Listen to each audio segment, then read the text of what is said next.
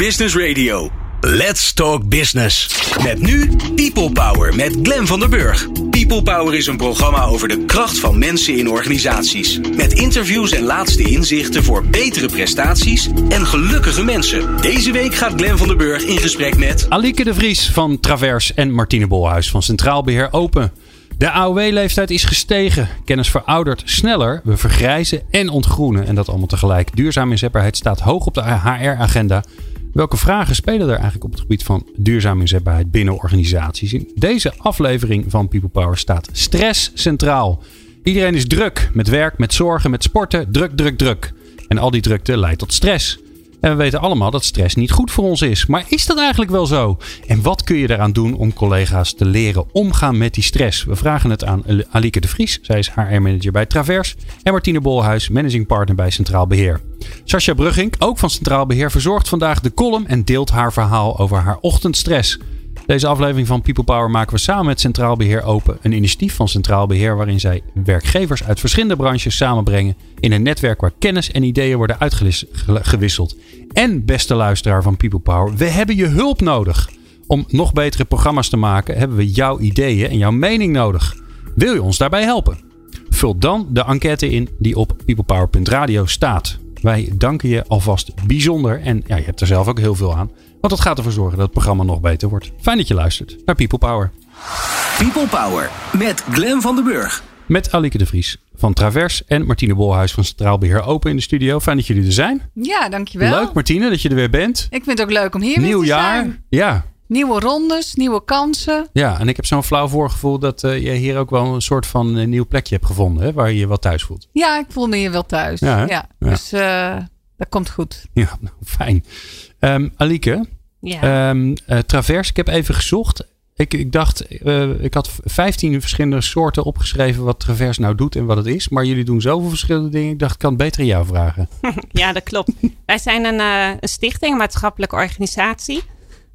Voor welzijn en kinderopvang. Dat is eigenlijk de grootste zorg. We hebben een heel aantal labels. Dat is Travers Welzijn. Zijn we echt in alle buurten en wijken waar we jongerenwerkers hebben, buurtwerkers. om te zorgen dat we daar echt bij de mensen zijn.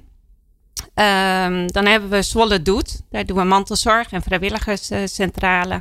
We hebben Hedon, dat is een poppodium. Hoort er ook bij. Oh, wat leuk. Ja. ja. En een hele grote uh, stuk is nog uh, kinderopvang, domein kinderopvang. En hoeveel mensen werken er bij jullie? Duizend in totaal. Oh, Wauw, zo. Ja. Grote organisatie. Ja, hele grote. Kinderopvang is de grootste tak. Daar werken zo'n 800 man en uh, de andere 200 in de andere labels. Ja. ja. Nou, heel divers. Um, als je nou kijkt naar de organisatie, en dan snap ik gelijk, omdat jullie zo divers zijn, dat het geen makkelijke vraag is. Waar is stress een vraagstuk bij jullie? Ja, uh, wij zijn natuurlijk altijd met mensen bezig in onze organisatie. En we werken dus met mensen, voor allemaal mensen. Um, dat betekent dat wij uh, ook, ook op onze plekken werkdruk ervaren. We hebben veel jonge mensen bij ons uh, werken die met jonge gezinnen zitten. De zorg voor de kleine kinderen. Uh, maar we hebben ook wel een, een heel stuk aan oudere medewerkers die vanuit de oudsher al bij ons werken. En uh, die weer op een hele andere manier stress of werkdruk ervaren. En wat, wat, want we hebben het heel vaak over stress alsof dat het probleem is. Maar um, zolang je daarmee om kan gaan, is er natuurlijk op zich niet zoveel aan de hand. Maar er zijn natuurlijk gevolgen van die stress. En wat, wat zien jullie dan als de mogelijke gevolgen van die stress waar mensen last van hebben? Nou ja, wat wij zien is dat mensen wel uit gaan vallen. Um, of omdat uh, het. Uh, hè, wat we bijvoorbeeld bij de oudere medewerkers zien, is dat hun ouders ook ouder uh, worden, waardoor ze te maken krijgen met mantelzorgtaken. Mm -hmm. jongere mensen die kinderen ziek krijgen en denken: ja, hoe moet ik hier nou mee omgaan? En hun vangnet bijvoorbeeld niet geregeld hebben. Um, en als je het niet deelt, dan weet je het niet en kan de stress best hard oplopen. Maar ik hoor je dus eigenlijk zeggen: het is vooral de um, het ingewikkelde van het leven. Hè, dat je zoveel ja. dingen tegelijk moet doen. Dat je werk hebt waar je verwacht wordt. Uh, hè, thuiswerken als je in de kinderopvang werkt, dat wordt een beetje lastig. Ja, moet je, lastig. Of je moet alle kinderen naar jou toe laten komen. Kan maar, daar hebben we gastouders voor. Die hebben wij niet. Ja, daarom. um, um, maar de, uh, uh, waar ligt die verantwoordelijkheid dan? Want je zou ook kunnen zeggen, ja, weet je, ja, dat is het leven. Ik bedoel, uh, dat is je eigen verantwoordelijkheid. Succes. Nou, ik denk dat het een gedeelde verantwoordelijkheid is. Het is uh, een verantwoordelijkheid voor een medewerker om wel aan te kunnen geven dat je ergens tegenaan loopt. Maar het is ook je verantwoordelijkheid als werkgever, denk ik, om wel in gesprek te gaan met medewerkers. En daadwerkelijk in gesprek uh, te gaan. Om te kijken van waar loop je nou tegenaan en wat zijn de mogelijke oplossingsrichtingen. Maar ik geloof niet dat dat alleen maar een verantwoordelijkheid is van een medewerker. Het is echt een ge gezamenlijke verantwoordelijkheid van ons allebei. En ik hoor je heel, heel duidelijk een verschil maken tussen eh, jonge medewerkers en wat oudere medewerkers. Hè? Andere levensfase, Ja. eh, eh, andere thuissituatie, andere vraagstukken in het, in het leven. Ehm, eh, is, zijn jullie daar door schade en schande achter gekomen? Hebben jullie onderzoek gedaan? Hoe, hoe, hoe kom je tot zo'n zo'n inzicht? Nou, we halen dat wel uit de medewerkertevredenheid onderzoeken. Daar kunnen we echt wel uithalen waar loop je nou eigenlijk tegenaan. En we hebben ehm, nu, denk ik, anderhalf jaar, twee jaar geleden, hebben we ook een onderzoek gedaan onder eh, de wat oudere medewerkers van ons. Die ook wel echt aangeven last te hebben van de digitalisering, die echt wat anders van ze vraagt. Eh, ze worden ouder en dat betekent dat ook het werk gewoon echt fysiek zwaarder eh, wordt. Dus we, we gaan wel echt met de medewerkers ook wel in gesprek om erachter te komen, ja, wat gebeurt er nu? En we hebben natuurlijk gewoon onze gesprekken met de managers, waaruit we ook heel veel halen. Ja. Het werk zelf, de, de inhoud van het werk. Zijn er nog specifieke dingen in waarvan je zegt van nou daar moeten we echt rekening mee houden? Ehm, ja, als je het hebt over de kinderopvang, het, het, het tillen. Oké, ja. Ja, weet je, die kinderen die kunnen zelf nog niet altijd eh, bijvoorbeeld op een commode komen. Ehm, daar hebben we heel veel middelen voor. Maar je hebt ook nog wel eigenwijzen die zeggen... ja, maar ik vind het zo leuk om ze er gewoon op te tillen. Ja, dat is het Ja, natuurlijk ook. Ja. Ja. terwijl zij, die kleintjes, het ook wel leuk vinden om erop te klimmen. Ehm, dus ja, er zijn... eh, Oké, dus de commode is een soort speeltoestel geworden eigenlijk. maar eigenlijk wel, zo kun je het wel zien. Ja. Ja, mooi hè? Hebben we tegenwoordig. Ja, ja, dat, is- ja dat, dat, is- dat is kennis waar, kennis waar ik pas weer wat aan heb als ik opa word. Dus eh, Ja, Ja, mag nog even wachten. ja, ik hoop het wel, ja. Die had je al eerder willen hebben.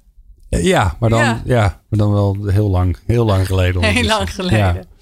Ja, mooi Lieke. Ehm, Martine, als je dit zo hoort, hè, ehm, eh, waar ligt de verantwoordelijkheid, eh, levensfases? Ehm, even terug naar de bron. Stress. We hebben het er heel vaak over. Eh, er hangt ook een enorm, ja, toch wel een soort, soort druk op. Op dat woord ook. Ja, Hè, dat is niet goed. Stress is niet goed. ja. Oh, Maar is dat eigenlijk wel zo? Want daar Ja. gaan we een beetje aan voorbij. Ja, je kunt stress vanuit verschillende hoeken ook weer bekijken. Dat doen we vaker. Maar wat eh, stress betreft, is er ook er is gezonde stress. Hè? Er is zoiets als eh, spanning ervaren voordat je iets gaat doen waarop je moet pres- presteren, waarop je ehm, nou, wat even iets extra's van je vraagt. Of een moeilijke situatie, een moeilijk gesprek. Een radio-uitzending waar je even voor moet eh, opladen. Dat is allemaal gezonde stress. Ja. Maar zodra dat omslaat in eh, spanning die je niet meer los kunt laten, dus dat die stress bij je blijft, dan wordt het ongezond. En wat je ziet in Nederland is dat eh, de stresservaring die mensen beleven, eh, dat dat steeds meer is. En dat is wel opvallend. Hè, de, de TNO doet jaarlijks onderzoek. En wat je dan ziet is dat ehm, eh, echt de stressfactoren, met name burn-out, maar ook stressklachten, hè, burn-out klachten en stressklachten, dat het echt gestegen is. En als je kijkt, hè, ik heb hier wat cijfers meegenomen. In 2018 hadden 1,3 miljoen Nederlandse werknemers burn-out dan wel stressklachten. Oké, de 1,3. Er werken er nu 9 miljoen. Dus dat is ruim Dat is meer dan 10 echt heel 15, veel. Misschien wel 20% Ja. En het kost ook heel wat. Want het kost, hebben ze uitgerekend, zo'n 2,8 miljard euro per jaar. En dat zijn natuurlijk verschillende kosten hè, die de werkgever maakt, omdat eh, mensen uitvallen, maar ook de maatschappelijke kosten. Ik zie dan ook dit verschijnsel niet alleen als een werkgever-werknemers eh, impact, maar ook wel echt een maatschappelijke impact. En eh, wat, wat dat betreft hè, zie ik ook steeds meer dat we vanuit HRM en niet meer alleen eh, kijken naar eh, wat voor impact heeft dit op ons eigen bedrijf, hè, of op onze branche of op onze organisatie, maar welke impact heeft die stressfactoren of die ver- vergroting van stress in Nederland nou op het samenlevingsvraagstuk? Want omdat die kosten zo hoog zijn, mensen vallen uit. Uh, we zien ook tegelijkertijd dat wij met minder mensen hetzelfde werk moeten doen. Mm En dan heb je een nog groter vraagstuk op je arbeidspotentieel. Dus hoe belangrijk is het als we als werkgevers, maar ook als werknemers, hè, medewerkers, daar ben ik met Alike eens. Het is een, een, een wederzijdse uh, verantwoordelijkheid. En niet alleen kijken naar onze eigen organisaties, maar ook een stukje daarvoor uit. En dan komen we op het uh, fenomeen duurzaam HRM. Eh, Pascal Peters had vorige week een prachtige oratie. Die is gestart bij Nijrode. En uh, daarin uh, besprak ze ook de, ja, de effecten van duurzaam HRM. Hoe kun je echt, uh, de, als je het hebt over footprint, hè, daar hebben we het vaak over duurzaamheid. Als we het hebben over de milieuaspecten. Mm -hmm. Maar wat is je footprint als werkgever in het medewerkerspotentieel? Hoe uh, breng je iemand verder, zodat die medewerker ook weer inzetbaar is voor ander werk, uh, voor het leven. En wat heel mooi is, hè, we hebben, je hebt, deze week heb jij een prachtige podcast gemaakt uh, met een vertegenwoordiger van WRR. Ja, de, er is een prachtig onderzoek uitgekomen van de Wetenschappelijke Raad voor het Regeringsbeleid. Met ja. een mooie titel Het Betere Werk. Ja, dat vond ik echt een mooi interview. En ook die uh, verschillende aspecten van je, hebt, je wilt grip op uh, ja, je financiën, hè, de inkomensvraag. Uh, maar het gaat ook over werk. Hè, welke bijdrage heeft jouw levensgeluk hè, op het moment dat je werk hebt? Maar ook grip op het leven. Dus hoe richt jij het leven in? Nou, dat zijn precies de aspecten die Alike net ook al noemde. Het gaat niet alleen over goed je werk inrichten, maar ook goed je leven inrichten en die balans. Ja, ja. Alike, hebben jullie, hebben jullie zo'n rekensom gemaakt waarbij je zegt, nou, laten we nou eens uitrekenen wat het, uh, wat het eigenlijk kost of wat het oplevert als we ermee aan de slag gaan? Ja, die rekensom hebben we zeker gemaakt. Um, en dat maakt ook dat de investering in duurzame inzetbaarheid uh, zeer zeker loont. Want het kost je uiteindelijk veel minder om daarop te investeren dan, dan de kosten die je daarvoor uh, maakt. Ja, ook omdat je ziekteverzuim flink uh, omlaag zal, zal halen. Ja. Heb je daar al resultaten van? Van wat, wat, wat er zeg maar gebeurd is door je interventies? Nee, nog niet uh, specifiek. Wij hebben nu een uh, voorstel voor duurzame inzetbaarheid. Een programma wat we graag binnen de organisatie willen laten lopen. Hebben we hmm. nu uh, akkoord van de directie. Dus dat is hartstikke mooi. Um, en we, het ligt nu bij de OR om te zorgen dat we hem in alle geledingen ook iedereen akkoord dat we dit gaan doen. En dat betekent niet dat we daarvoor niks deden. Maar um, wij hebben twee cao's. CAO welzijn en de CAO kinderopvang. En het mooie van de CAO welzijn is dat je daar een IKB en een loopbaanbudget hebt. Dus daar is al een mogelijkheid om aan je eigen individuele inzetbaarheid te, te werken. En we hebben nu in dat voorstel ook gezegd, we zouden het ook graag voor de kinderopvang willen. Dat iedereen in ieder geval een budgetje heeft waarmee hij ook aan zijn eigen inzetbaarheid kan werken. Nou, en wat Alike nog veel meer doet binnen Travers aan duurzame inzetbaarheid, wat er allemaal in de plannen staan en wat ze al doet, dat hoor je zo. People Power. Inspirerende gesprekken over de kracht van mensen in organisaties. Met Glen van der Burg. Met Alike de Vries en uh, Martine Bolhuis in de studio praten over uh, duurzame inzetbaarheid. Alike, je vertelde net dat jullie, uh, nou ja, eigenlijk net gefeliciteerd, goedkeuring hebben. Dat gaat nu de OR, hoe je met duurzame inzetbaarheid om, om, om, moet gaan. Hoe kom je nou tot zo'n zo'n plan om, om, te, om te bedenken van ja, wat, hoe kunnen we onze medewerkers daarbij helpen? Ik ben er eigenlijk wel heel trots op, want uh, wij hebben uh, het plan opgebouwd vanuit uh, de werkvloer. Dus er is, nou denk nu twee jaar geleden, zijn we met een groep werknemers gaan zitten. En ehm, zijn we echt gaan zitten van, nou weet je, wij willen graag investeren in duurzame inzetbaarheid. En dat willen we graag samen met jullie doen. Uh, nou, dat was echt niet heel makkelijk. Want duurzame inzetbaarheid lijkt ook echt een heel erg abstract uh, begrip. En we hebben dan uh, pedagogisch medewerkers, jongerenwerkers, een manager. nou, eigenlijk alle geledingen die binnen ons bedrijf zijn, hebben we wel mensen in die groep gehad. En, ehm, hoe groot is zo'n groep? volgens mij, even uit mijn hoofd, staat er een stuk of 19, 9 à 10 okay. medewerkers okay. in. Ja. En we zijn uitgegaan van het uh, Huis van Werkvermogen van Ilmarina. Ja. En vanuit daar is eigenlijk gekeken op elke verdieping uh, vanuit de werkvloer. Nou, hoe, hoe kijken wij daar uh, tegenaan? En um, ja, daar is een, een, een prachtig voorstel daaruit gekomen. Ja, ik zal overigens voor de luisteraar die denkt dat huis van werkvermogen. Ik heb geen idee wat het is. Ja, dat is prachtig. Ja, ik heb, ik heb van hem het huisje gekregen. Het staat bij mij Oh, op mijn ja. bureau thuis. Um, maar ik zal uh, een linkje naar het Huis van Werkvermogen even in de show notes zetten. Dus Ja, uh, mooi. dan kun je dat even Ja. na, nazoeken. Um, Oké, okay, maar dat is mooi. En dan heb je een soort structuur waar je aan vast kan houden. Ja, dan, dan moet je het gaan vullen.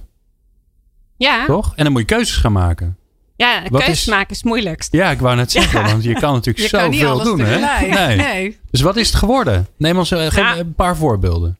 Nou, een paar voorbeelden is in ieder geval dat we een eh, soort, ja, wij noemen dat een APK. De mogelijkheid willen bieden. Het is geen verplichting aan een medewerker om APK te doen. Dus dat betekent dat je kan eh, kijken van, nou, weet je, wat is, ben ik fysiek en ook mentaal, hoe sta ik ervoor? Oké. En wat zou ik kunnen doen om daar misschien nog een stap in eh, te maken? Waarbij we geen, eh, hoe mijn baas dat noemt, kro- kroketten. keuring gaan doen. Oftewel, het gaat dus niet om wat je aan het eten bent en dergelijke. Echt je Dus, vitaliteit. en voor eh, jezelf dus. voor jezelf. En wij krijgen ook individueel daar geen eh, resultaat van. Hoeft ook niet. Maar we krijgen wel algemeen eh, noemen van... Goh, wat zien we nou eh, eigenlijk? Waarbij we ook aan ons HR-beleid daar weer input voor, eh, voor hebben. Dus dat is prachtig, denk ik. Ja, vanuit. want Ja. dat geeft je ook weer heel veel input om eh, nieuwe ideeën op te doen. Ja. Hè, welke acties kun je uitzetten in de organisatie? Mooi. Ja. Ja, en we hebben ook gekeken naar mobiliteitsbevordering. We hebben, vooral binnen de kinderopvang, natuurlijk redelijk plat. Je bent eh, pedagogisch medewerker en dan kun je nog eens doorgroeien naar een pedagogisch beleidsmedewerker of een hele grote stap maken naar manager. Maar ja, dat is best lastig. Ehm, dus we hebben ook gekeken van nou, we kunnen ook met andere bedrijven in de omgeving eens eh, contact opnemen om eens te kijken, kunnen we eens niet een stage gaan lopen Hm. bij elkaar? Om Oh, toch eens de, in de keuken van een ander te kijken, om het beeld te krijgen van nou, weet je, wat is er misschien nog meer wat ik zou kunnen doen met mijn achtergrond en eh, ervaringen? Ja. Dus ehm, Terwijl het gra- grappig is, eh, de- ik, bij mij zit er dan gelijk in mijn hoofd. Je komt moeilijk aan mensen, zeker in deze tijd. En dan ga je ze eigenlijk ook nog stimuleren om buiten de deur te kijken. Ja, maar ik denk dat je als een goed werkgever eh, bent, dat het altijd belangrijk is om eh, juist met mensen in gesprek te eh, komen. En je ook weet dat als je bij ons komt, dat we en goed voor je zullen zorgen. Dus samen met jou een mooie loopbaan zullen creëren. Ja. Maar dat op het moment dat jij eh, eh, anders inzetbaar wilt zijn, dat we ook samen met je kijken. Ja. Maar zie je dat dan ook dat eh, in die populatie dat ze zo- sowieso na zoveel jaren op zoek gaan naar iets anders? Is dat een, Ja, ziet een trend die je ziet? Je ziet, eh, nee, nou, je ziet eigenlijk echt wel een verschil. Je hebt er een aantal die hebben echt wel ambities en zeggen ja, en nu dan? En je hebt ook mensen die hebben zoveel hard voor, eh, voor het werk wat ze doen. En Ja. willen echt niks anders doen totdat ze met pensioen eh, gaan. Ja. ja en dan is het toch goed om eh, ze buiten de deur te laten kijken en nieuwe ervaringen op te laten doen. Want het risico is inderdaad dat mensen stil gaan zitten en het Ja. gevoel hebben van hé, maar ik kan het ook niet. Ja. Het is, goed Het is om ook heel mooi dat ze ervaren Ja. dat ze eigenlijk veel meer kunnen dan dat ze in eerste instantie Ja, verwachten dat ze kunnen. ja. En hoe reageren die bedrijven in de buurt? Hè? Want daar, neem je dan contact mee op. En dan zeg je, joh, eh, eh, eh, zullen, we, zullen we eens uitwisselen? Ja, we hebben dat nog. Het staat in de kinderschoenen. Dus we zijn nu echt aan het onderzoeken. Hey, welke partners zouden dat met ons kunnen doen? Ehm, dus ja, we- dat is echt nog maar in die, in Ja. die mini. Dus als er nu iemand luistert ja, die moet gaan in bellen. jullie omgeving, Zwolle en omgeving volgens mij. ja, hè? Zwolle en omgeving sta ik daar Ja. hartstikke Bel voor. Alieke. Ja. En dat mogen ook echt verschillende bedrijven zijn. Ja, hoor. hè? Ja, Ja. mooi. Ja, ik, Martien, ik zit een beetje naar jou te kijken. Ook omdat ik denk, eh, hè, dit zijn twee voorbeelden. Hè. De APK gaat natuurlijk over eh, hoe sta ik ervoor. En de ander gaat veel meer over hoe sta ik eigenlijk in verband met de wereld. Ja. Ehm, welke, welke moet daar nog bij volgens jou? Nou, voor mij moet er ook nog een stukje cultuur bij. In de zin van de positieve insteek. Oké, Wat eh, helpt bij het verminderen van stress. Hè, of het kijken naar stress. Of het omgaan met stress. Is ook wel heel erg kijken van hoe label je dingen. Hoe waardeer je mensen. Hoe wordt er leiding gegeven in de organisatie? Dus het waarderend leiding geven, zoals ik dat noem. Maar ook het positieve benaderen. Wat eh, het Ja, heel voorbeeld. herkenbaar. Ja, het voorbeeld wat jij noemt is ook heel erg al op het gebied van talentontwikkeling. Maar je kunt daar ook naar kijken van hè, wat, wat loopt er goed? Wat gaat er goed? En Eh, die het, klinkt als, het positiviteit- klinkt als complimenten geven. Ja, eh, en ik vind dat eh, daar een echt een heel mooi voorbeeld is eh, bij Travers. Dus die wil ik toch even genoemd hebben vandaag. nou, Lieke want- weet al wat je, Ja, weet al wat je ik bedoelt. Je zit gelijk al te het glimlachen. straks gaat vertellen. Maar het effect van complimenten en van positiviteit is dat dat ook heel erg stress reduceert. De spanningen op de werkvloer, op het moment dat je met minder mensen dezelfde taken moet doen, soms die werkdruk voelt, moet er soms ook even worden ontladen. Even En lachen. hoe belangrijk is het Ja. dan dat jouw collega tegen je zegt: Oeh, wat heb jij dat goed gedaan? Hè, wat fijn dat je er bent vandaag. Nou, Lieke, hoe doen jullie dat? Want nu, nu zijn we natuurlijk Ja, allemaal ongelooflijk nieuwsgierig. Nou, het is wel heel erg leuk. Een collega van mij, eh, ook een van de managers bij ons in de ondersteunende dienst, en ik hebben het hele bedrijf volgehangen met allemaal complimentenkaartjes. Oké. Dus echt door het hele gebouw eh, heen. eh, je bent fantastisch, of je inspireert me, of nou, je bent een, een geweldige collega, of ik word blij als ik je zie. Ehm, ja, en het was wel leuk, want die, die dag kwam iedereen binnen en die zag overal die A4'tjes eh, hangen. Niemand dacht, wist het. Wie heeft dat nou gedaan?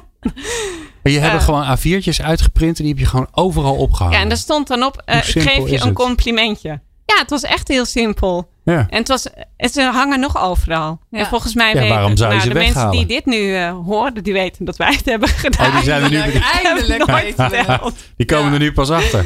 Ja, Ja, mooi. ja. Ja, Maar- heel leuk. Maar dat geeft ook weer aan hoe simpel is het, hoe eenvoudig is het om iedere dag daar even bij stil te staan en aan te denken. En ik kwam vanmorgen ook een mooi eh, eh, voorbeeld tegen op eh, LinkedIn. Misschien hebben meerdere mensen dat gezien. Het is natuurlijk Blue Monday vandaag. Hè, de meest eh, deprimerende dag. Ja. En toen kwam er iets voorbij. En dat vond ik echt zo mooi. Een challenge. eh 30 dagen zonder klagen. Dat is Oh, ook weer zo'n mooi, mo- ehm, ja, inspirerend initiatief. Hè, dat je ook even stilstaat van hoe verhoud ik me nou ten opzichte van mijn collega's, ten opzichte van mijn werk. Wat heb ik daarin te doen? Ja. En dat eh, ja, zijn ook eh, stressreducerende middelen, omdat die positiviteit zo belangrijk is. Ja. Hè, die positieve eh, psychologie noemen we dat. En daar zit echt ook heel veel mogelijkheden in. En er is ook wel onderzoek naar gedaan dat we veel eh, eh, kunnen doen op dat stuk. Hè, naast het eh, menselijk kapitaal noemen ze dat het positief psychologische kapitaal. Oh, Ja. wauw. Klinkt ja, goed. Ja, heel mooi. Ik heb eh, in het najaar eh, mocht ik eh, bij een eh, hele mooie boekpresentatie zijn van Marcel Rijmering. Die heeft een prachtig boek geschreven, Opper de Pop. Het gaat ook over werkgeluk en omgaan met stress. En een van de dingen die hij daar benoemt is dat ehm, psychologisch kapitaal echt een concurrentievoordeel eh, kan hebben.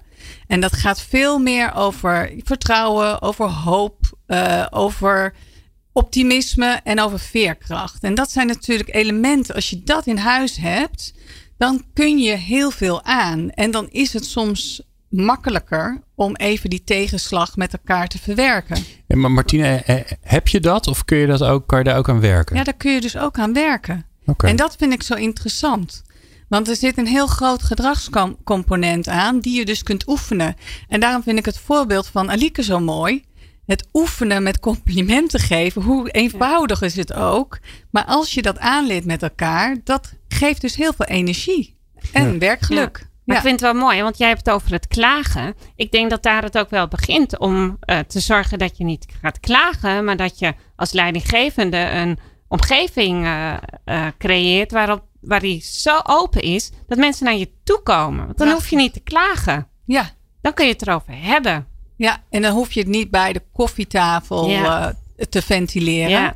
Maar dan mag het gewoon besproken worden. Inderdaad. En ik denk dat als je kijkt naar duurzame inzetbaarheid, dat het altijd begint met een goed gesprek met je leidinggevende. ja, Daar is hij hè? weer. Yes! Ja, Daar is het daar geloof ik ook weer. echt in. Ja. Ja, ik Hey, ook. eh, we gaan zo eh, naar, de, naar de column van eh Sascha Brugging. Die heeft een mooie ehm, column geschreven over haar eigen ochtendstress. People Power met Glen van der Burg. Meer luisteren? people-power.nl Sascha Brugging is eh, een collega van eh, Centraal Beheer. Is ook daar managing partner bij Centraal Beheer Open. Loopt bij ongelooflijk veel organisaties langs om daar te kijken hoe het is met onder meer de duurzame inzetbaarheid. En zij is onze columniste van vandaag, Sascha. Ja, Glenn. Ja. Los? Die los. Zal ik los? Ga los. Wat een geluk. Elke doordeweekse ochtend heb ik de meest fantastische taak. Mijn kinderen van zes en negen wakker maken. Wat is er nou liever dan slapende kindjes? Maar door ze te lang te laten slapen, beland ik, wellicht herkenbaar, in de volgende dialoog. Kleed je aan, eet eens door, poets je tanden. Nu echt je tanden poetsen, jullie komen te laat. Geen reactie of een ja-ha. Van dialoog is weinig sprake. Vanuit hun perspectief ook logisch. Ze zijn immers altijd op tijd op school. Ik krijg vooral zelf stress van te laat komen. Dus als het mij niet snel genoeg gaat ochtends, deel ik opdrachten uit. En als dat niet werkt, ga ik ze helpen. Opvoedkundig niet handig voor de zelfredzaamheid. Het verlaagt wel mijn ochtendstress. En kinderen hebben dat feilloos in de gaten. En zo houden we het patroon in stand. Ochtends stap ik door mijn eigen gestres direct in de valkuil alles over te nemen. Ze zijn wel op tijd op school, die kan ik vinken. Maar echt blij van dit soort ochtenden word ik niet. Wat nou als ik dit patroon doorbreek? Vanuit mijn werk, waarin organisatie en verandervraagstukken centraal staan, weet ik dat patronen doorbreken ontzettend lastig is. Ik moet denken aan een model van Marshall Goldsmith. Bas Kodde van Nijenrode vertelde me hier onlangs over. Leiding geven is omgekeerd opvoeden. Zo zegt hij dat de hoogste vorm van leiding geven leiding laten nemen is. Als leidinggevende geef je dan vooral support. In zijn woorden, goed gedaan, applaus en ik ben trots op je. Zodra de resultaten tegenvallen, schakel je een versnelling terug naar de faciliterende stijl. Wat heb je nodig om jouw rol goed in te vullen? En ga vooral niet helpen. Als de resultaten opnieuw tegenvallen, start je met coachen. Denk hier eens aan, heb je daar al aan gedacht? En weer niet helpen. Dat gaat ten koste van het eigenaarschap. Als de resultaten nog steeds tegenvallen, schakel je terug naar de directieve stijl. Doe dit of doe dat. Dus je kan van supportive naar faciliterend, naar coachend, naar directief terug. Bij opvoeden gaat dat net andersom, al dus Bas Kodde. Omdat mijn kinderen in de ochtend prima alles zelf kunnen, geef ik ze bewust, of toch onbewust, alle ruimte. De hoogste vorm van leiding geven. Wanneer de resultaten tegenvallen, uh, ja, best wel. Ze doen namelijk niet wat ik van ze verwacht. Is terugschakelen essentieel, hoor ik Bas zeggen. Terugkijkend naar vanochtend deed ik dat dus helemaal niet, dat terugschakelen. Van de vierde happetee naar ze één. Van alle ruimte geven, de hoogste vorm van leiding geven, schakelde ik in één keer de directieve stijl door. Doorpakken met die hap. Alle vorm van eigenaarschap weg. En daarmee die bekende aap op mijn schouder. Lekker bezig. Onder de stress van het ochtendritueel gaan mijn voornemens van rustig terugschakelen meteen van de baan. Hoe doe jij dat eigenlijk? Wanneer je stress op je werk ervaart? Benut je de mogelijkheden van het terugschakelen in je leiderschapstijl voldoende? Ook wanneer je onder druk staat? Of is daar winst te behalen? Tja, wat doe ik morgen? Gun ik mezelf meer ruimte door simpelweg een kwartier eerder op te staan? Of zijn de kinderen voor het eerst in hun leven een kwartier te laat op school? Ik denk dat ik toch voor dat eerste ga. mooi, Sascha. Heel mooi, heel mooi. En herkenbaar natuurlijk. Volgens Ja, mij iedereen, die ouder is, die ziet het al helemaal voor zich. hey, dankjewel en ik zie je snel weer in de studio. Yes, tot dan. People Power op Nieuw Business Radio. Ik ben Mark Jansen, senior medewerker Learning and Development bij Paresto, de cateraar van het ministerie van Defensie. En in mijn organisatie verdwijnt elke mist en de lucht wordt steeds blauwer, omdat ook ik luister naar People Power. Meepraten of meer programma's? people-power.nl Met Alike de Vries van Travers en Martine Bolhuis van Centraal Beheer Open in de studio. Ja, we, we gaan eh, weer wat nieuws. Ja, nieuws. Ja, hm, een beetje iets nieuws uitproberen. Want we hebben, eh, we hebben een vraag, hè, Martine? Ja, we hebben een Iemand vraag. uit het open netwerk. Net als Alike. Alike zit natuurlijk ook in het open netwerk. Maar Ja. dit keer eh, hebben we nog een vraag van iemand buiten de studio. En dat is Gert-Jan Hemme. Ja, en dat is eigenlijk wat we volgende keer alle keren gaan doen. Hè? Als we Ja. een programma maken over duurzame inzetbaarheid. Dat in het laatste blokje is er een vraag van een luisteraar. Iemand uit het open netwerk. En die, die stelt dan de vraag aan jullie allebei. Ja, Ja, dus, ik ben dat is benieuwd. briljant. Hè? Dan krijg je gewoon input van, eh, van twee eh, vakexperts. Wat wil je nog meer? Nou, we gaan luisteren naar Gert-Jan Hemme. En waar is Gert-Jan van? Want die is ook van een mooi van bedrijf. Nijhoff Wassing. En Ja. Nijhoff Wassing is eh, in reizen met name. Eh, en zij zitten in de transport. Hebben grote tankwagens eh, rijden in Nederland, eh, maar ook Duitsland, Polen. En zij hebben ook nog een autobedrijf. Ook nog. Ja. Nou, we gaan luisteren naar Gert-Jan zijn vraag. Daar komt hij. heeft de vijfdaagse werkweek niet haar langste tijd gehad? En moeten we niet één dag per week besteden aan onze eigen inzetbaarheid om hiervan te leren? Nou, mooie vraag. Wie, eh, wie eh, gaat er gelijk eh, borrelen van eh, plezier? Zit naar de ja. Lekker. Ja, toch? Ja. Ja. Ja, ik vind het wel een hele actuele discussie. Want je hoort er nu heel veel over. Over het eh, minder werken. Achmea, hè? Hè? Jouw, eh, jouw werkgever. Ja, dat is mijn Martine, werkgever. ja. En ook lid van het Open Netwerk. Dus hier hebben we vaak het eh, gesprek over. Van wat betekent dat als je de werkweek korter maakt? Er zijn ook al wel ervaringen van in Nederland eh, met een kortere werkweek. Maar hoe vul je die dan weer in? Wat is het effect daarvan? Want dat vind ik meteen een mooie vervolgvraag. Je kunt een werkweek korter maken. Dat zou betekenen dat je meer rustmomenten kunt inbouwen. Maar je ziet ook dat eh, de eisen van eh, vandaag de dag best hoog zijn. En dat medewerkers eh, naast hun baan ook nog andere ambities hebben. Een goede moeder willen zijn of een goede vrijwilliger. Eh, ja, maatschappelijk betrokken zijn. Sporten, fit, Sporten, fit zijn. fit. Goedemorgen. Daar gaat Ja, wel op tijd ja. zitten. Gezellig Ja. zijn.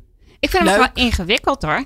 Ja. Ja. want aan de ene kant denk ik, oh ja, cool, een eh, kortere werkweek. maar betekent dat dan dat je op, je op je werk niet meer met je collega's gewoon even kan vragen: hey, hoe is het met je en hoe was je weekend? Omdat je daar dan geen tijd meer eh, voor hebt. Ik vind het wel ingewikkeld. Ja, ja, dus wat betekent die kortere werkweek? Ja, Ja. betekent dat dan dat ik wel hetzelfde werk in die korte tijd moet doen? Ja, Als ik wel eens in de kinderopvang eh, kijk, wordt het sowieso al lastig. Want al die ouders hebben toch ergens nog opvang eh, nodig. Dus hoe gaan we dat dan eh, doen? Ja. Ah, ik vind het wel Ja, ingewikkeld. en, en heet Ja. het niet gewoon parttime werken dan? Nee. Heet het niet gewoon vier dagen werken in plaats van vijf? Ik, ik ben zelf vorig jaar, dus eh, het eind 2018, toen dacht ik ineens: hé, hey, wacht eens even. De woensdag die ik eigenlijk normaal altijd vrij was en thuis bij de kinderen, die is verdwenen. Ja, Die is opgegeten door mijn werk. Dat is natuurlijk mijn eigen schuld. dat doe je zelf. Ja, en toen Ja. heb ik gezegd: ik neem die, ik neem die woensdag weer terug. Ik, Ja. ik plan gewoon in. Ik, ik maak geen afspraken, behalve, daar moet ik wel eerlijk in zijn. Behalve als er een klant is die me ergens voor wil betalen. Ja, zo Ja. werkt het. Ik ben, eh, ben ze- vrij jong, hè, dus dan werkt dat zo. Ik moet je zeggen, ehm, ik heb er niet zoveel van. Ja, behalve dan dat ik de woensdag inderdaad bijna alle woensdagen eh, gewoon lekker thuis was. Heb ik er niet zoveel van gemerkt. Mijn omzet is hetzelfde gebleven. Ja, Eh, Ja. mijn klanten zijn nog steeds dat? tevreden. Tenminste, dat hoop je. hoop ik. maar je verdeelt je werk anders. Nee, ik, kijk, het- bij mij is het natuurlijk zo dat ik, ja, ik kan altijd werken en ik kan oneindig veel werken, want ik kan altijd Ja. weer meer afspraken maken. En ik, ja. En dat doe ik Ja. gewoon niet. Ja. En dat is eigenlijk best wel prima. Nou, dat vind ik wel interessant wat jij zegt. Want daar zie je meteen een onderscheid van eh, mensen die heel veel autonomie in hun werk ervaren. En mensen die dat Ja. niet ervaren. Mensen die veel autonomie hebben, kunnen zelf een werkweek inrichten. Hè, kunnen vaak zelf bepalen van doe ik vandaag een wat langere dag. Hè, morgen weer wat korter. Hoe verdeel ik het over de week? Maar je ziet heel veel beroepen waar dat niet zo is. Ik kwam maar Noem eens een voorbeeld. Nou, ehm, En bij ons? bij Wij eh, werken met roosters in de kinderopvang. Ja, ja bij roostering. Oké. Ja, en ja. krijg je dat dan ook terug, Alike, van, van, van collega's dat ze voelen dat ze daarin beperkt worden in, nou, in, in hun vrijheid? Van ja, ik moet dan werken, want ik ben ingeroosterd. Nou ja, op zich is het natuurlijk. eh, kijk, als ik eh, me niet zo lekker voel, kan ik zeggen: Weet je, ik werk even vanuit huis. Maar dan, dan werk ik wel, maar dan heb ik even niet alles eromheen. Mhm. Dat kan een medewerker in de kinderopvang eh, niet. Ehm, dus dat Nee. betekent, ook als hij een beetje niet lekker is, ja, dat hij wel vol aan de bak eh, moet. Dus daar is minder autonomie. Nou kunnen we wel redelijk schuiven wel met roosters. Dus we geven medewerkers wel de mogelijkheid. Maar ja, een kortere werkweek. Wij hebben zelfs mensen die juist veel langer zouden kunnen willen werken. Maar de diensten, als je bijvoorbeeld bij ons op de BSO werkt, hè, de buitenschoolse opvang, Ja, ja. zijn kleine uurtjes. Ja, zijn jonge medewerkers met kleine contracten. Ja. Die zouden graag een groter contract eh, willen. Nou, Ja. daar zijn we ook altijd wel aan het kijken of dat kan. Dus dat is eigenlijk de andere kant van, eh, van de medaille. Ja, en dat, en dat brengt ook stress met zich mee, kan ik me voorstellen. Ja. Als je meer wil werken, want waarschijnlijk kun je Ja. met, met het relatief kleine contract, kun je, ben je niet financieel eh, onafhankelijk. Ja. Zelfstandig moet ik zeggen. Dat klopt, of ze hebben er een andere baan naast. Ja. Dus en, dat is best en ingewikkeld. dat is ook weer jong leren, Ja, toch? Alle je- ballen in de lucht. heb je twee, twee momenten dat je moet roosteren. Wanneer kun je daar, wanneer kun je daar werken? Ja. ja. Ja, en dat, die vraag zie je ook steeds meer. Dat mensen niet eh, rond kunnen komen met één baan. Ik had laatst een... Het zorgt eh, ook voor stress, hè? Financiële Het kost problemen. heel ja. veel Heel veel stress. stress. Heel veel stress. En daar zijn we ook en met het open netwerk ook wel veel over in gesprek. Van om daar oplossingen voor te bedenken. Of in ieder geval dat inzicht te verkrijgen. Maar je ziet bij eh, bepaalde beroepsgroepen dat dat echt achterloopt. Ik had laatst een gesprek met iemand die werkt eh, voor een eh, distributiebedrijf. Zit in het callcenter. En daar was het zelfs nog aan de hand dat de vakantie niet goed kon worden ingepland. Nou, en dan zie je, de verschillen zijn zo groot. Dus in het, ook in het bedrijfsleven Ja. en in de verschillende organisaties en instellingen. Van hoe mensen met werkgeverschap omgaan. Dat het niet eens haalbaar is om de verplichte twee weken achter elkaar te plakken. Dat vind ik echt heel pijnlijk. Ja. En, Ja. en, en hebben wij, vinden jullie dat er genoeg besef is hoe belangrijk die autonomie is in het werk? Hè? De, de- het feit dat je werk en privé goed kan eh, organiseren, maar ook gewoon dat je kunt bepalen over jezelf in je werk. Dat je daar, dat je daar niet, niet in alles zoals bij mij, want dat, dat heeft ook weer zo zijn negatieve kanten. Eh, maar, maar dat belang van autonomie, is, is dat voldo- voldoende duidelijk? Ik denk, jullie? ik denk dat het nog niet helder is welk effect het heeft. En dat het effect eh, pas op langere termijn zichtbaar wordt. Ik denk dat dat maar bij een klein deel van eh werkend Nederland nu bekend is. Ja. En ik hoop hè, met dit soort programma's, hè, met veel meer kennis delen, dat dat besef groter wordt. Dat we ook echt kunnen laten zien van autonomie is zo belangrijk. Ja, op welke van de belangrijkste dingen. Ja, En Alieke, hoe, hoe gaan jullie daar dan mee om? Want je hebt die roosters. Je, je weet Mhm. eh, dat dat best bepalend is voor hoe, eh, hoe, hoe je week eruit ziet. Eh, dat je alle andere dingen daar eigenlijk een soort van omheen moet organiseren. Je weet ook dat op het moment dat je, als je, als je, als je ingeroosterd bent en je wil het anders, dat betekent A, meer werk voor je manager of degene die aan het plannen is. Maar het betekent ook dat iemand anders voor jou moet werken. Er zit ook een soort, ja, hoe zeg je dat? Emotionele kant aan. Ja, dat is wat wij ook heel veel zien. Het zorgen voor elkaar en willen zijn voor elkaar. Ja, als ik er niet ben, ja, hoe moet het dan? En dan komt er een invaller en die, die weet dan niet direct op de groep eh, hoe het allemaal moet. Ja. En da- daarvan zien we echt wel stress komen. En dan, dan niet alleen om eh, je eigen werkweek wat korter eh, te maken. Maar ook zien we bijvoorbeeld bij mantelzorg. En mensen die mantelzorg moeten verlenen, die dan denken: ja, ik moet, ik moet die mantelzorg verlenen, maar ik heb ook nog mijn collega's. En als ik er niet ben en die, die roosters die eh, kloppen niet. Nou, als je het hebt over stress en dat stressvolle dingen, Ja. waarbij je, hè, ik altijd zeg: je, je moet het gesprek daarna gaan met je leidinggever. Nou, uiteindelijk is overal een oplossing eh, voor, maar in dit soort gevallen heb je echt minder autonomie om, daar, eh, Ja. om dat zelf op En te wat, lossen. hoe gaan jullie daarmee om? Wat, wat, wat doe je om te zorgen dat dat nou, niet weggaat, maar dat het in ieder geval minder wordt? Ja, of de, De autonomie vergroot, ja. ja. Eh, om echt open het gesprek aan te kunnen gaan met je leidinggever. En dan te kijken, wij hebben het een voordeel. We hebben een mantelzorgvriendelijk HR-beleid bijvoorbeeld. Betekent dat we zeggen van er is altijd een mouw aan te passen, op welke manier ook. Dan wel aanpassing van je werkzaamheden. eh, dan wel eh, het minder eh, werken. Eh, en dan kijken, als je minder werkt, om dan ook voor een groep een, een vaste medewerker daar voor inval bijvoorbeeld op te zetten. Het, klinkt heel, heel simpel, maar het geeft wel de medewerker eh, het gevoel van, oh, er komt niet elke dag een andere bij mijn collega. Maar ze proberen in ieder geval om elke keer een vaste medewerker voor mij dan eh, in Ja, te ja, ja. kunnen zetten. Ja. En dat lukt echt niet altijd hoor. Ja, Maar, wel eigenlijk prachtig om te horen hè, dat die betrokkenheid bij, eh, bij het werk zo hoog is. Dat mensen het vervelend vinden dat ze steeds door iemand anders vervangen wordt. Ja, Eigenlijk Ja. heel positief, ja, dat is prachtig. Want maar, het is, maar dus ook gevaarlijk. ja, Ja. Ja. Te zeggen, ja, de kinderen op de groep moeten niet te veel verschillende gezichten Ja. eh, zien. Want die, die verwachten ook dat ik er ben. Ja, het is prachtig. Ja. Ja, Ja, het is het mooie. Ja. Daarom eh, kiezen de mensen ook voor het vak natuurlijk. Ja, en dit soort gedrag zie je met name bij beroepen ook, die heel erg eh, gedreven zijn om zorg te verlenen. Ik zie het ook veel in het ziekenhuiswezen. En daar eh, loopt men er ook nog tegen aan dat er heel veel is weggeregeld. Ja. Dat we de afgelopen jaren ontzettend veel eh, hebben georganiseerd om zo effectief mogelijk het werk eh, te doen. En dat brengt ook spanning met zich mee. En waar ik ook wel voor zou willen pleiten. eh, Alieke noemt al het gesprek tussen leidinggever en medewerker. Ik zie ook steeds meer het belang van het gesprek in een team. In het team van hoe Ja. doen we het met elkaar? Waar kunnen we elkaar supporten? Hoe kun je ervoor gaan met z'n allen? En soms valt de ene even wat meer uit. En dan hè, kan de ander het weer opvangen. Ja, herkenbaar. Ja. mooi. Ja. Ja. Mooi dames. Ehm, gaan we dat nog doen? Gaan we dat nog doen? Ik zit ondertussen heel hard te denken op mijn hoofd. Nou, we gaan het nog proberen te doen. Oké, allebei mega, mega, mega kort. Want we zijn bijna aan het einde van het uur. Als je het nou over jezelf hebt. Wat kan je zelf doen morgen? Om, om je eigen stress beter te, te managen. Te zorgen dat je niet alleen maar pieken hebt, maar ook eh, rustmomenten. Ook dalen, Ja, wilde je zeggen. Martine. Ja, gaat vanzelf hè. Ja. Ja, wat doen morgen? ja, wat doen morgen? Toch echt wel bewust even uitgaan. Hè, werk aan, werk, eh, werk aan, werk uit. Dat is ook Leuk. nog een website. Ja, is dat zo? Oh. Ja, precies. Eh, initiatief van Lagmea ook. Werk aan, werk uit. Soms even uitschakelen, even een wandeling maken.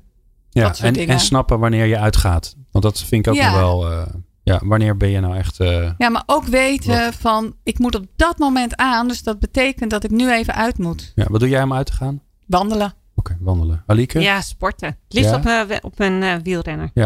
Oh, jij bent de Gewoon wielrenner. wind door de haren en Ja. nou ja, mijn helm zit erbij. Ik Wat, net zeggen. eh, eh, wat, wat morgen doen? veilig. Wielrennen of hardlopen. Nee, maar eh, doe maar een andere tip. Ja, Heb ja, je een andere sorry. tip? Ja, ja, als het maar- dezelfde maar- is, ja, is het dezelfde. Nee, mijn, mijn tip is echt, zorg dat je spanning en ontspanning eh, hebt. Dat is, dat is de enige wat werkt. Super. Ik dank jullie zeer. Fijn dat jullie eh, eh, er waren. Of er nog zijn, maar straks niet meer. Uh, Alieke de Vries van Travers en Martine Bolhuis van Centraal Beheer Open. Ben jij eigenlijk de volgende keer de, de columnist, Martine? Ja, ja? ik mag me gaan Oeh. voorbereiden. Nou, de lat ligt hoog. Hè? Dat Zo heb je, is het, wil, ja. dat is een geen, goede aftrap. ik wil je geen stress geven, maar het lat Nou, die ligt heb hoog. ik al hoor. Hey, heel leuk dat jullie er waren. Ehm, Positieve stress. En eh, eh, eh, tot snel. Wil je meer luisteren? Kan dat natuurlijk via peoplepower.radio. Eh, je helpt ons enorm als je de enquête even voor ons invult. En ehm, het laatste waar ik je mee wil geven is dat de volgende aflevering van People Power weer ongelooflijk leuk wordt. Want we gaan het hebben over de ideale ambtenaar. Want ja, het vak van ambtenaar is enorm veranderd. Ehm, en ja, welke kant dat dan op gaat en hoe jij kan zorgen dat jij de ideale ambtenaar wordt. Dat hoor je in de volgende aflevering van People Power. Meepraten? Meepraten? Of meer programma's? people-power.nl